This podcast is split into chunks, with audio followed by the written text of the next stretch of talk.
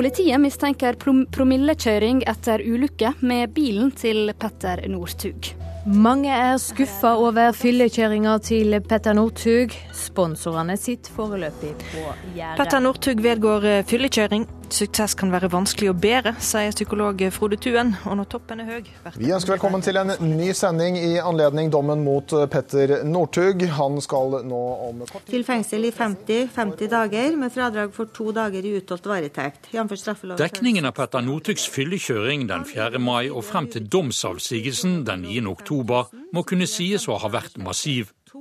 Noen mener den ble som den måtte bli når vår største stjerne innen nasjonalidretten blamerer seg med ulykke som har sin årsak i fyllekjøring, stikker av og lar en skadet kamerat bli igjen på åstedet, for så å komme med usanne forklaringer til politiet før han innrømmer forholdet.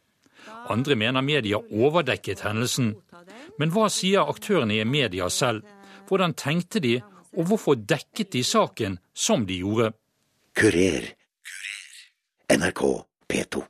Ja, media oppførte seg vel sånn som media pleier når en uh, veldig kjent person blir dratt inn i en uh, spesiell begivenhet. Uh, Norges kanskje mest medieomtalte, ombruste idrettsutøver.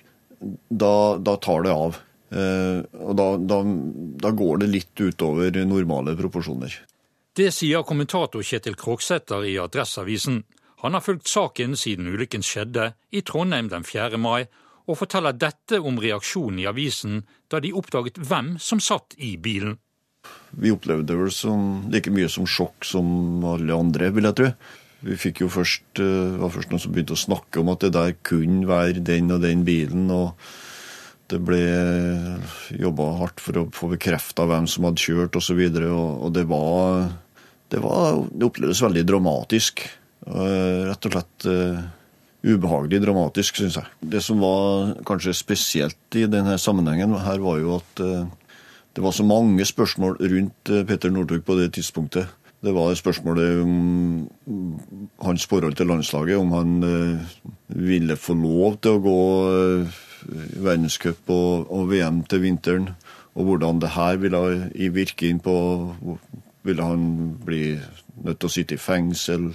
Kom det spørsmål om fotlenke? Det var, det var så mange spørsmål, det var så mange innfallsvinkler. Og det utløste eh, veldig mange artikler, og det ble et, eh, et betydelig eh, mediekjør av det. Eh, for alle hadde jo ønska jo å, å, være i front i den eh, konkurransen om å bringe nyheter rundt, eh, rundt tematikken. Petter Northug har dreid seg ikke bare om den, om den bilturen, det dreide seg like mye om, om, forholdet til landslaget. Det var kanskje mer det utover sommeren. Så når det nærma seg rettssaken, så ble jo selvfølgelig den fyllekjøringa sentral igjen. Du har jo dekket sportsbegivenheter eh, og, og, og, ting rundt sport i mange, mange år. Kan du erindre at dere har hatt så stor oppmerksomhet rundt én person og konsekvenser av én persons handling? Nei, antageligvis ikke. Jeg tror kanskje ikke det. Det, det, det, jo, det dukker jo alltid opp uh, sånne saker. Vi hadde jo noen runder med en viss dansk fotballspiller her i Trondheim Nikki Bille Nilsen og ting som han eh, fant på, også delvis i, i ruspåvirka tilstand. Og, og, det har jo vært, eh, vært noen episoder, det, vil jo være. Og det er jo, er jo, det er jo som oftest da kjendisfaktoren som slår inn og gjør at, eh, at omfanget av medieomtalen blir så stor som den blir. Hvilke reaksjoner har dere fått eh, fra lesere på, på dette? Det er jo noen som den vanligste reaksjonen er jo at uh, folk mener at det, blitt, det, blir for mye. Og det er jo noe som det ikke går an å motsi. Det blir summen av det i alle medier blir, blir overveldende. Det blir, det blir, for mye. Men, men, det er jo ikke sånn at mediene tenker helhetlig. Sånn, altså, man tenker ikke som et Medie-Norge samla, men hver enkelt tenker ut ifra sitt ståsted hver dag og hver uke. Og, og, og lage artikler på den bakgrunnen. Og, og, da kan man si at eh, i hvert enkelt mediehus så er det kanskje greit, men summen av alle mediehusene til sammen uh, gjør jo at det her blir eh, får litt preg av, av, galskap. Det er jo ikke vanskelig å innrømme. I Trondheim så har det kanskje ikke vært et sånt medieoppbud siden Bjugn-saken, hvis man skal trekke sånne sammenligninger. Og så er det jo litt sånn at medieoppbudet blir nødvendigvis større i dag, for at eh, alle medier jobber i tre-fire plattformer. Eh, du jobber på nett og i avis og, og eh, video, TV og, og radio. Så, så, så det, hver plattform krever sine medarbeidere, og i sum så blir jo det her ganske massivt. Det er ikke vanskelig å, å se at det her kan fortone seg som litt galskap sett utenfra. Og det er jo der at jeg kanskje skulle ønske at media hadde vært litt flinkere til å til å sette saken fra flere perspektiv, og gjerne snudd seg motsatt vei og sett, sett eh, i en annen retning og, og, fått andre innfallsvinkler på det her. Det blir, det blir litt, eh, litt, for likt, det man jobber med. Det var tøft å møte eh, mamma og pappa. De, det er på en måte De er jo skuffa som meg eh, og lei seg. Eh, og både jeg og dem ønsker ikke at eh, jeg skal komme i en situasjon som det her. Dette var hentet fra et eksklusivt intervju Petter Northug ga til TV 2 dagen etter ulykken. Redaksjonssjef i TV 2-sporten Espen Solbakken forteller dette om hvordan de startet arbeidet med saken. Vi, eh, først, først, så fikk vi jo vite om, eh, om, at det hadde skjedd en uh, trafikkulykke i Trondheim. Men vi, vi, så vidt jeg erindrer, så, så, kom det oss tidlig for, for øre at, at, dette kunne være Petter Northug, og i hvert fall var bilen hans. Så den første fasen av det var jo rett og slett å og begynne å jobbe med hvilken rolle Petter Northug hadde hatt i denne ulykken. Var han med i det hele tatt? Var det en, noen som hadde lånt bilen hans, eller var han eh, sjåføren av bilen? Eh, så det var starten. Eh, så det var, det var hektisk aktivitet for å, for å få rede på det først. Og når det etter hvert ble klarlagt ganske tidlig, så, så gikk, gikk, det første nyhetsdøgnet veldig raskt unna. Med med både bekreftelse av Northug eh, som, eh, som involvert i ulykken, og, og, til og med det første intervjuet med hovedpersonen sjøl eh, dagen etter. Hvor alvorlig følte dere at dette var? Fordi at dette var jo ikke utelukkende en, en, en affære for, for TV-sporten? Nei, definitivt ikke. Og, og derfor så, så blei flere avdelinger i vårt mediehus koblet på tidlig. Det, det er jo en unik eh, sak eh, i, i, eh, sports, i vår sportsredaksjon, men, men, for krim eller hvilken som helst annen redaksjon på huset, så hadde det, vært, så hadde det vært en ikke-sak hvis det ikke hadde vært en kjent person med.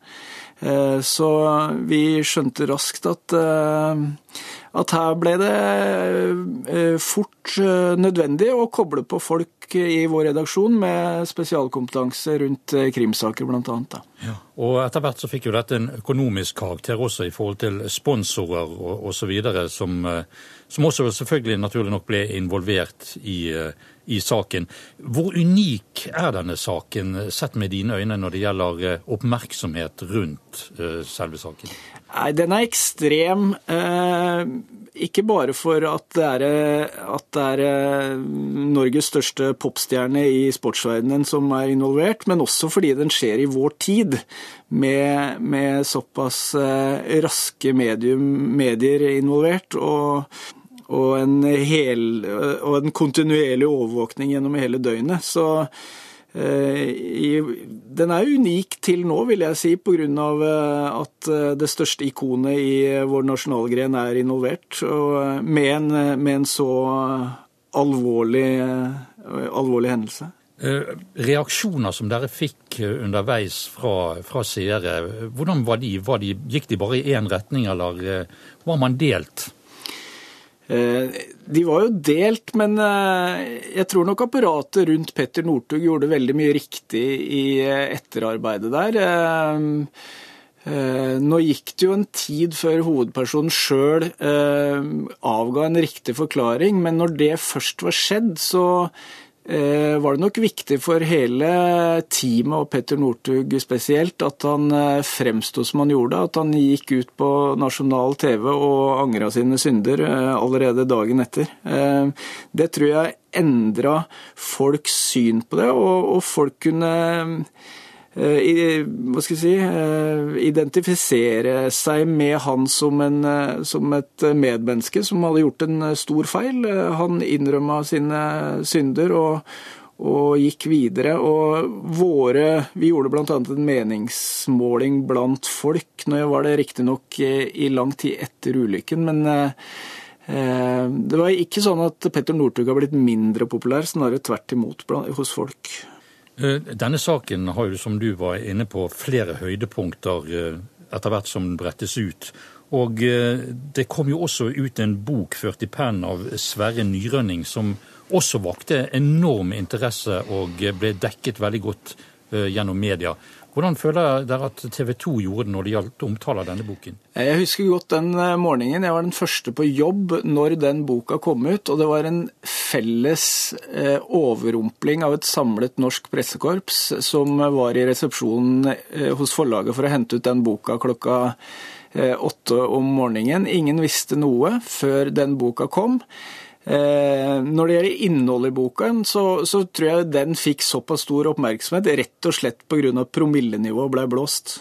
Eh, det var det ett av få spørsmål som ikke var blitt besvart gjennom de første månedene, og der sto det svart på hvitt at den var 1,65. Eh, og, og det var på mange måter den siste brikken i puslespillet.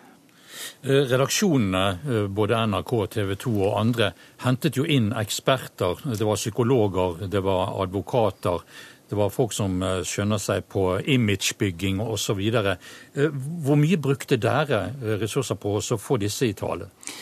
Nå skal ikke jeg snakke ned min egen redaksjon, men det er klart vi kan klart mest om, om rundetider og, og VM-gull, og ikke så mye om om hva som skjer eh, i rettssalene rundt omkring. Så for oss var det viktig å, å koble på eh, en Jens Christian Nørve fra vår krimavdeling og en eh, advokat, Randi Gustad, som vi brukte i rettssaken. Rett og slett for å fortelle våre seere og lesere hva som foregår, på en forståelig og, korrekt måte. Så det syns jeg var helt naturlig å gjøre som, som redaksjonssjef. Um så kommer selve rettssaken eh, der det kommer en, en, en tilståelsesdom. Dvs. Si det blir en relativt kort affære med en kort forklaring fra den tiltalte. Men selve rammen rundt dette har jo en, hva skal vi si, et innslag av en, en enorm mediedekning. Altså Man hadde jo uh, så å si studioer i, i, i siderommene til, til rettssalen hvor eh, eksperter kom og gikk, og, og eh, det gikk live stort sett. Um, har du noen gang sett noe lignende i, i en norsk rettssal, eller i det hele tatt en, en sånn enorm medieinteresse for, for, noe som helst her hjemme? Nei, det blei jo, ble jo ganske raskt eh, dratt paralleller til eh, våre mest alvorlige kriminalsaker i vår tid. Og, og enten det var eh, Eh, Behring Breivik eller Orderud eller, eh, eller, andre store kriminalsaker. Og det er klart at eh, man kan stille med rette spørsmål ved enkelte proporsjoner rundt, rundt medienes dekning av det. Nå var det en veldig intens nyhetsuke der med, med ebolavirus, Northug-saken vel også statsbudsjettet og Nobels fredspris. Så, så hver dag hadde sin, sin nyhetsstolpe, men, men, nesten ingen større enn en Northug-saken. Og det er klart, det går en grense der om, om, vesentligheten om hvilken farge Northug hadde på joggeskoene eh, når han ankom eh, den tilståelsessaken og, og, og utfallet. Men eh, våre tall i ettertid viser at det var stor interesse rundt eh, rundt rettssaken. Eh, Og eh, for å si det sånn, i, sportsverdenen så, det, så, er dette en nyhetssak eh, uten presedens, for å bruke rettsspråket. Det, altså, vi, vi, har aldri vært borti maken, og, og, rett og slett dekket det opp deretter. Fordi at saken er såpass unik. Med, med, med den erfaring fra denne perioden fra 4. mai til i dag, dekket man det godt nok, syns du? Ja, nå er vel ikke Jeg skal ikke røpe alle, alle konklusjoner av vår egen evaluering her, i, her på, i, det programmet her, men eh, altså jeg, jeg, ingen eh, Jeg sitter ikke her med noen, eh, noen anger eller eh, noen spesielt spesielle ting jeg ville gjort annerledes i ettertid. Når det gjaldt rettssaken, så hadde vi ca. 25 personer involvert, med smått og stort, med reportere, teknikere og fotografer og, og journalister. Eh, og det var en godt planlagt dag fra vår side. Når det gjelder eh, tiden fra 4. mai og, og fram til nå, så er jo for så vidt Eh, min største eh, som, Mitt største problem som, som redaksjonssjef er jo de tapte nyhetsslagene underveis. Det er en ekstrem konkurranse der ute mellom eh, hvor Adresseavisen, VG, NRK, TV 2 eh, kjemper for å få de første nyhetene først. Og, og det er det som, det, er det som opptar en i hverdagen, hvordan man skal eh, Eh, få flest mulig svar eh, først. Og, men når det gjelder volum og sånn, så, så, det har vært, eh, som du sa tidligere, høydepunkter og, og, og roligere perioder. og Man kan sikkert diskutere volum i det store og det brede, men i alt hovedsak så syns jeg det reflekterer det unike i saken, da. Det syns jeg. Sa redaksjonssjef i TV 2-sporten Espen Solbakken. Her i studio skal vi tilbake til eh, Northug-saken, hvor det i dag altså har blitt kjent at han hadde en promille på 1,65. Vi skal snakke med både NRKs langrennskommentator og forfatteren av boken, der dette kommer frem. Og Vi starter med forfatteren. Fortell hva slags bilde av Petter Northug du ønsker å formidle. Jeg har vel ikke noe overordna ønske om å formidle et spesielt bilde av Petter Northug i denne boka. Jeg har et dette klippet var hentet fra Dagsrevyen i forkant av rettssaken mot Petter Northug, den dagen da boken 'Northug en familiehistorie' kom ut, ført i pennen av Sverre Nyrønning. Og boken skapte et nytt mediekaos, forteller forfatteren. Det er jo et prosjekt som eh, ble påstarta høsten 2013. Eh, var langt kommet den 4. mai, da fyllekjøringa ble, ble en realitet. Jeg satt faktisk i Frankrike og gjorde ferdig manus slik at, eh, og, og, da ble jo problemstillingen at eh, hvis en bok om familien Northug skulle ut, så måtte jo 4. mai med. Hvis ikke, så ville det virke helt meningsløst. Så derfor så ble det med. Det er to av 15 kapittel som handler om 4. mai. Ett kapittel handler om sponsorproblematikk knytta til det. Så eh, var det jo spørsmål da om eh, hvordan vi skulle lansere dette her. Boka inneholdt to nyheter som norsk presse hadde jakta på i mange måneder og ikke fått fatt i nemlig promillenivået og farten i ulykkesøyeblikket. Jeg var fast bestemt på at når boka kom, så måtte vi få den ut så fort som mulig. Men samtidig så kunne vi i bunn og grunn ikke si så mye på forhånd, fordi det var et overraskelsesmoment i det. Sånn at når boka kommer fra trykkeriet på en mandag, så lanseres boka på onsdag. Og da sto jo Medie-Norge på hodet. Det var jo et sirkus av en annen verden.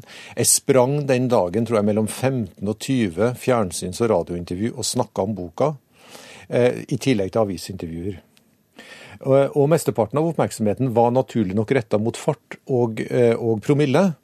Eh, men det var på mange måter en helt absurd situasjon. Men syns du det ble dette en overraskelse for deg, sett i, i kontrast med den forhåndsinteressen det hadde vært?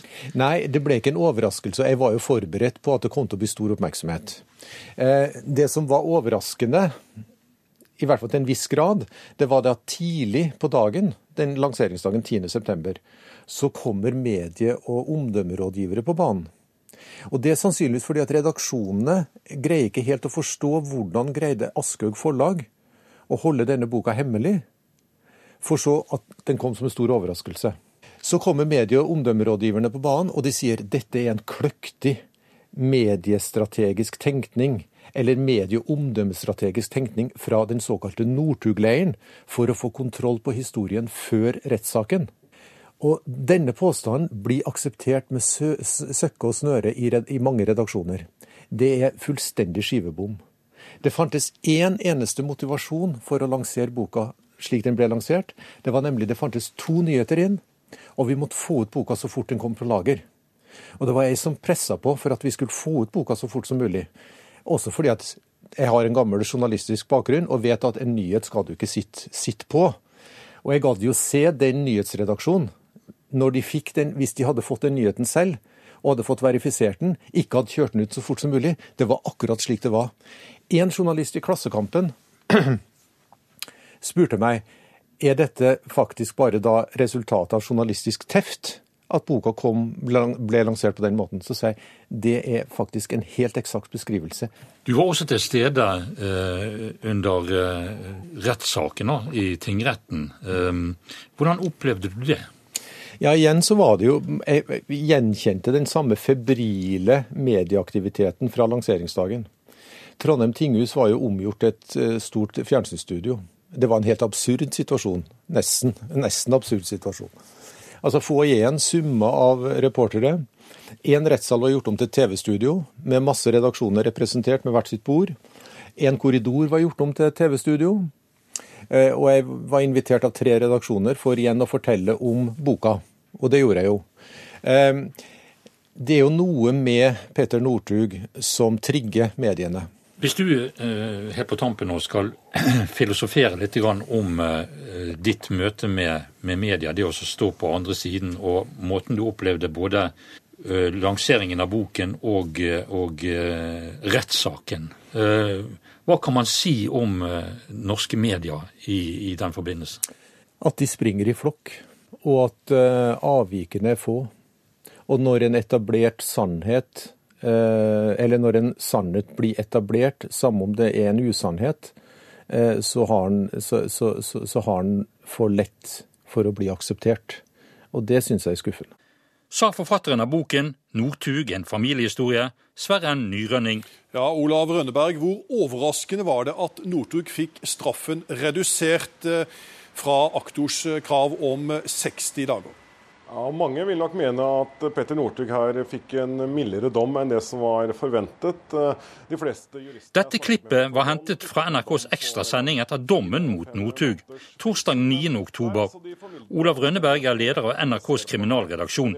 Som kommentator har han fulgt saken på nært hold. Men han er ikke overrasket over den oppmerksomheten saken har fått i media. Jeg er ikke veldig overrasket over at dette skapte stor oppmerksomhet. Petter Northug er en stor profil innen langrennssporten. Han har selv søkt media. Han har også gitt intervjuer til mediene etter denne promillekjøringen. Men omfanget av mediedekningen av rettssaken var ganske stort. Faktisk var dette et av de største medieoppbudene jeg har sett i en rettssak på mine 15 år som krimjournalist. Og eh, Da tar vi med de store kriminalsakene vi har hatt eh, i, i Norge, målt opp mot en, en såkalt promillesak, rett og slett. Er ikke det litt absurd? Enhver sak må vurderes for seg, også for mediene. Eh, Petter Northug er en stor profil. Han har også søkt media selv i denne promillesaken. Da blir det naturlig nok en stor medieinteresse. Men det er klart at du må opp på Nokas-saken, Orderud-saken saken og andre store straffesaker for å finne et lignende medieoppbud eh, i Norge. Eh, det kan også skje i fremtiden at idrettskjendiser som begår straffbare forhold, må regne med en betydelig mediedekning. Eh, vi hadde den samme debatten rundt Rune Øygard, som da var en kjent politiker. Også der kom det diskusjon rundt den store mediedekningen. Også der var det jo en massiv mediedekning. Nå var jo alle de store mediehusene på denne ballen, så å si. Og er det viktig at når man nå når rettssaken er, er ferdig, at man tar et skritt tilbake og evaluerer sine egne dekninger? Jeg tror alltid vi i media skal være åpne for både innspill på dekningen vår, og vi skal også gjøre våre evalueringer av omfanget av en dekning. Mediebildet har endret seg mye nå. Nå er det ofte mange journalister fra hvert mediehus som sender direkte både på nett Eh, på radio og på TV. Eh, så det er ganske mange flere journalister i antall nå, og jeg tror nok vi mediene også skal være oppmerksomme på hvilken virkning det har på både domstolen og den som sitter der som tiltalt. Hvilket inntrykk tror du dette gir på den vanlige seer, lytter og leser? Vi merker jo at interessen for f.eks. Northug-saken er stor ute i befolkningen. og Det er kanskje ikke så rart, eh, all den tid Northug er en, en, en, av våre mest kjente idrettsprofiler. Men samtidig skal selvsagt også vi i media være bevisst på hvilket inntrykk eh, dette skaper. og Det gjelder også hvordan vi former sakene, eh, hvilke overskrifter vi gir de, og, og hvor lenge vi f.eks. gir en, en TV-sak i Dagsrevyen. Som kommentator så fulgte du jo denne saken veldig nøye. Gikk man over stag på noen måter når det gjaldt de etiske reglene, syns du? Jeg mener at pressen i Northug-saken eh, var omtrent på den linja de skal være. Eh, man var eh, tilbakeholdne med detaljer som kunne være belastende for Petter Northug. Man var tydelig på å gjengi hans forklaring for retten for å få en balansert dekning her. Så jeg mener ikke at pressen gjorde noen overtramp i dekningen av Northug-saken, men jeg mener vi skal være bevisste på det store omfanget saken fikk.